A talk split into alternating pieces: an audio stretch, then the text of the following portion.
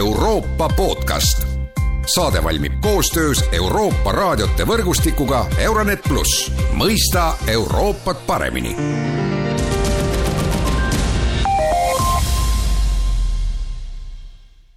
tere jälle kuulama Euroopa podcasti. Euroopa Liidu ühine välispoliitika pannakse taas proovile, kui maailmas juhtuvad sellised kriisid nagu Ukrainas või Gaza sektoris. Teemat aitab kommenteerida Rahvusvahelise Kaitseuuringute Keskuse asejuht Kristi Raik, tere päevast! tere! mina olen Erkki Pahovski. no alustame tegelikult Ameerikast, rahvusvaheline ajakirjandus oli küllalt hämmastunud, kui Euroopa Liidu juhid läksid kohtuma USA presidendi Joe Bideniga aga kummaliseks tegi selle kohtumise see, et nad kohtusid Bideniga eraldi, ehk siis jutt käib äh, Euroopa Komisjoni presidendist Ursula von der Leyenist ja Euroopa Ülemkogu eesistujast Charles Michelist, et Kristi, et äh, miks, miks niimoodi, et miks äh, nii ko-, oluline kohtumine, aga Euroopa Liidu liidrid eraldi? jah, tõesti, selle Euroopa Liidu USA tippkohtumisega seoses olid äh, Charles Michelil ja Ursula von der Leyenil eraldi kohtumised Bideniga. ja seal on noh, ühelt poolt taustal selline struktuurne probleem Euroopa Liidu välispoliitikas ja teiselt poolt nagu isiksustevaheline probleem. et, et see struktuurne probleem on pikaajaline, Euroopa Liidu välispoliitikal on mitu juhti, mis tekitab segadust, kuigi palju oleneb siis poliitika valdkonnast, et kas kompetents on komisjonil või on ta liikmesriikidel, viimasel juhul siis esindab seda nagu valitsustevahelist koostööd, esindab ülemkogu esimees Charles Michel, aga kui on tegemist nagu komisjoni pädevuses olevate teemadega, nagu näiteks kaubanduspoliitika, siis esindab komisjoni president. Äh, ja sellest on sageli ka partneritel äh, raske aru saada, et, et kes siis ikkagi Euroopa Liidu nimel äh, kõneleb. ja muidugi lisaks on siis veel välispoliitika kõrge esindaja Josep Borrell, noh tema on pigem siis oma staatuse poolest välisministri tasandil. noh, lisaks sellele struktuursele probleemile on praegu äh, praeguste juhtide vahel nagu isiklikult halvad suhted, et see on, on olnud teada pikka aega ja see teeb veel keerulisemaks siis seda äh, Euroopa Liidu ühise poliitika koordineerimist ja, ja seda, et, et Euroopa Liit oleks äh, esindatud äh, ühtsena väljapoole. no kriisid ju jätkuvad ja, ja ühine hääl oleks ju hea, aga noh, me näeme ka seda, et tulles nüüd kõige värskema konflikti juurde ehk Iisraeli-Hamasi sõja juurde,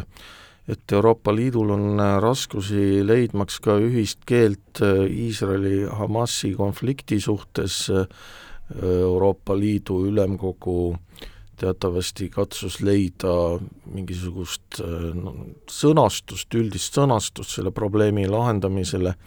aga vaieldi väga palju, siis on vaieldud selle üle, et et et kas kutsuda kokku mingisugune rahukonverents, Iisrael ilmselt sellest midagi kuulda ei taha, aga siin on probleeme, juurprobleem Euroopa Liidu poolt vaadatuna on see, et Euroopa Liidu liikmesriigid on väga erinevatel seisukohtadel, mis puudutab Iisraeli tegevust Gaza sektoris ja praegune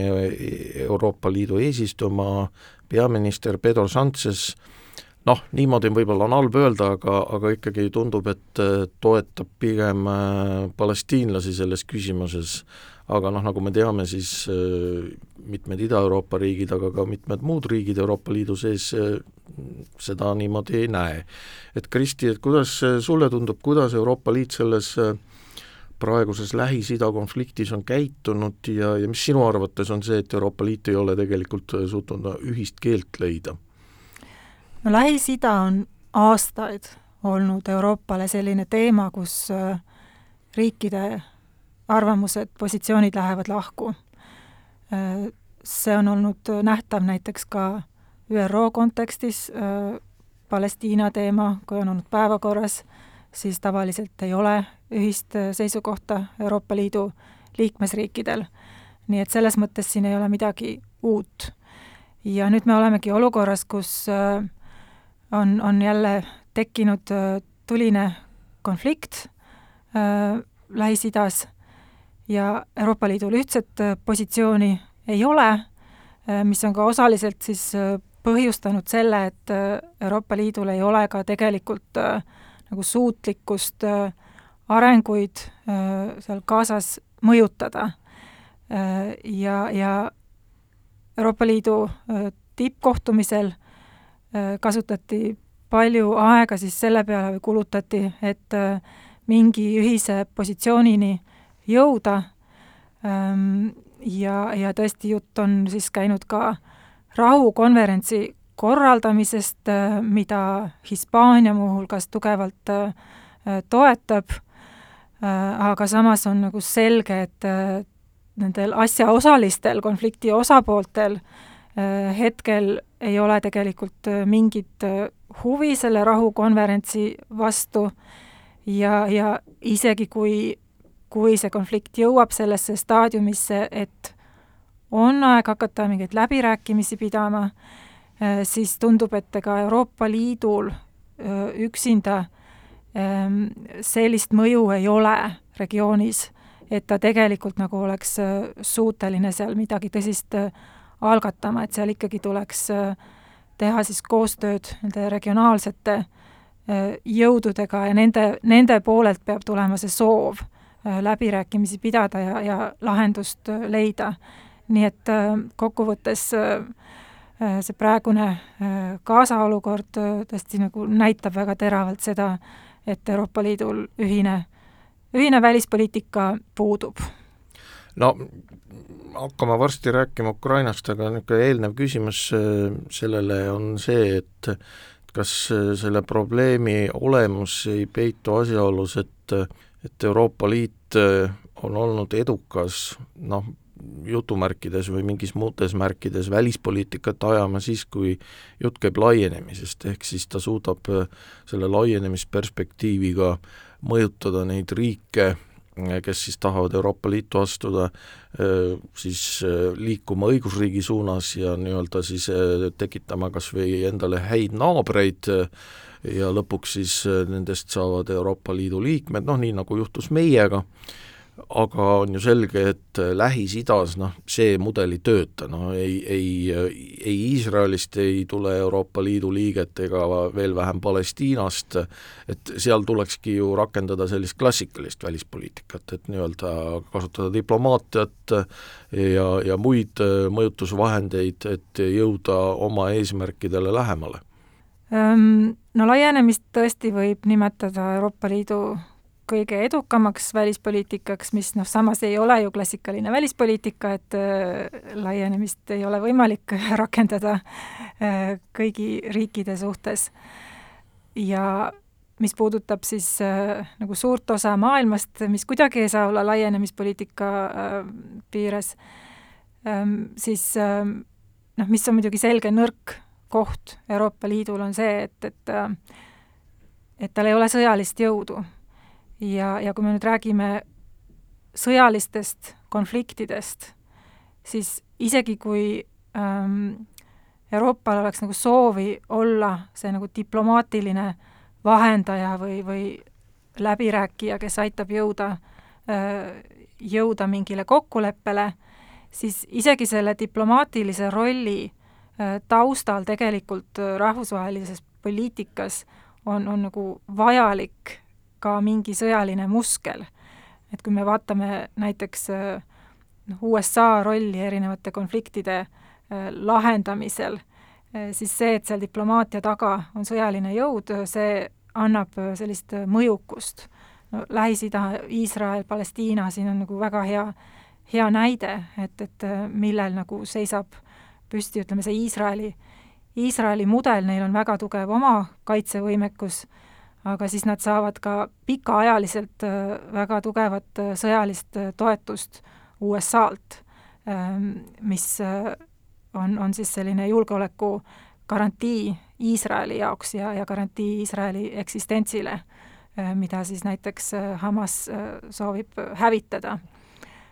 Nii et sellises olukorras noh, USA jällegi nagu Iisraeli-Palestiina vahelises konfliktis noh, kuidagi ei saa võtta mingit erapooletut rolli, nad on väga selgelt Iisraeli taustal, aga noh, neil on mõju regionaalsele arengule, kuna nad on seal igatpidi nii, nii, nii siis oma sõjalise toetuse kui, kui diplomaatilise jõuga, nad on seal olnud aastakümneid mõjukad. aga Euroopa Liidul noh, sellist, sellist jõudu ei ole ja, ja ja siis veel tõesti, kui lisada sinna see, et, et liikmesriikidel ja erinevatel poliitilistel jõududel Euroopas on nagu erinevad vaated, et kui palju keda Euroopa peaks selles konfliktis äh, toetama äh,, siis, siis isegi selline vahendaja roll ei, ei tule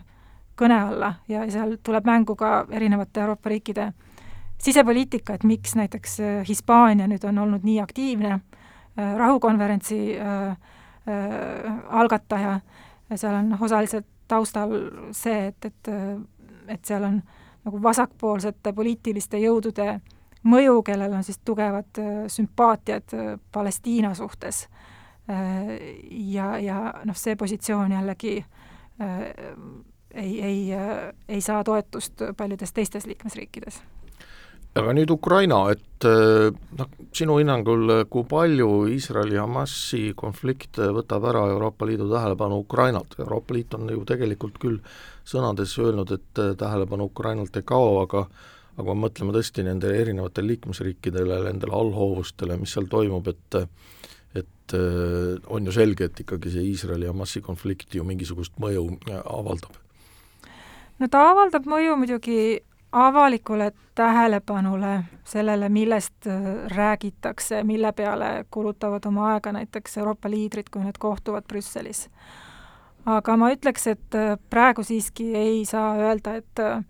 et Gazas toimuv kuidagi õõnestaks või nõrgestaks Euroopa Liidu toetust Ukrainale. ja, ja noh, Ukraina puhul ikkagi me saame rääkida Euroopa Liidust kui päris mõjukast ja olulisest jõust, kes on väga märkimisväärselt Ukrainat toetanud. jah, ka Ukraina puhul on see, et, et USA toetus on otsustava tähtsusega ja ilma selleta Ukraina ei suudaks seda sõda edasi pidada, Euroopa ei suudaks nagu kompenseerida USA toetust, aga siiski ka Euroopal on väga oluline roll ja Euroopa mõju siis võimendab ka see laienemine, mida me juba varem mainisime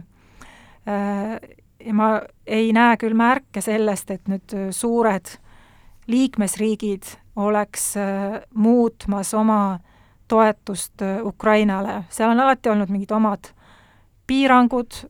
mis on olnud frustreerivad Ukraina jaoks ja, ja Ukraina kõige tugevamate toetajate nagu Eesti jaoks. See toetus ei ole olnud nii tugev, nagu ta oleks võinud olla meie vaatest, aga samas on ta ikkagi olnud nagu kasvav ja ta on pikaajaline ja, ja kuigi nüüd on äh, jälle uus äh, juhtum Slovakkia näol, et on liikmesriik, mis äh, justkui ütleb lahti sellest Euroopa Liidu ühtsusest ja Ukraina toetamisest, siis see lõppude lõpuks seda suurt pilti oluliselt ei, ei muuda. Ja, ja Ungari on olnud kogu aeg siis see, kes on on nagu äh, visanud kaikaid kodarasse ja, ja takistanud Euroopa Liidu otsuseid, aga lõpuks need otsused on siiski sündinud ja, ja, ja on nagu suudetud äh, suudetud Euroopa ühtsust hoida, vaatamata sellele, et seal need mõned, mõned mõrad on sees? no enne Ukraina täiemahulise sõja puhkemist äh, peeti üldiselt väga ebareaalseks, et äh, Ukrainast võiks saada kunagi Euroopa Liidu liige, aga nüüd see plaan ei tundugi väga ebareaalne ja ja, ja tundub ka, et et äh, Euroopa Liidu sees võib-olla hakatakse juba harjutama end selle mõttega, et Ukrainast võiks kunagi saada Euroopa Liidu liige, küsimus on vist ainult selles, et millal täpselt? jah, tõesti ähm,, poliitiliselt äh, nüüd võib öelda, et äh, ükski liikmesriik tegelikult ei sea kahtluse alla seda, et Euroopa, et Ukraina liitumine Euroopa Liiduga on eesmärk aga kui siis äh, rääkida täpsemalt, et äh, millal ja kuidas ja mis tingimustel see võiks juhtuda, siis muidugi on väga erinevaid vaateid. ja ühe sellise võimaliku tähtajana on räägitud aastast kaks tuhat kolmkümmend, aga noh, samas äh, suhtutakse väga ettevaatlikult sellesse, et siin mingeid äh,, üldse mingeid tähtaegu välja öelda, kuna selge on see, et Ukraina peab täitma äh, ähm, kandidaatriikidele asetatud tingimused, ähm, kõik seesama sarnane protsess, millega Eesti läbi tegi, enne liitumist ta peab suutma rakendada Euroopa Liidu seadusandlust ja see kõik võtab oma aja, nii et need liitumisläbirääkimised, mis noh, tõenäoliselt otsustatakse alustada nüüd selle aasta lõpul, et võib eeldada, et see, see otsus nüüd tuleb järgmisel Euroopa Liidu tippkohtumisel, et need ikkagi siis võtavad palju aastaid aega ja mis on nagu väga keeruline teema, on see, et mida Euroopa Liit peab tegema nagu sisemiselt, milliseid uuendusi on vaja teha institutsionaalselt ja Euroopa Liidu eelarvesse, erinevatesse poliitikavaldkondadesse, enne kui ta on nagu valmis äh, uusi liikmesriike vastu võtma ja kuna Ukraina on nagu, saab olema väga suur liikmesriik ja ta on ikkagi suhteliselt äh, vaene äh,, siis äh, need, need vaidlused saavad olema ka väga, väga tulised, et, et kuidas Euroopa Liit ise peab valmistuma laienemiseks. Ühesõnaga, mõtteainet jätkub, aitäh, Kristi Raik, kommenteerimast Euroopa Liidu välispoliitikat, selline oli tänane Euroopa podcast, kõike head ja kuulmiseni!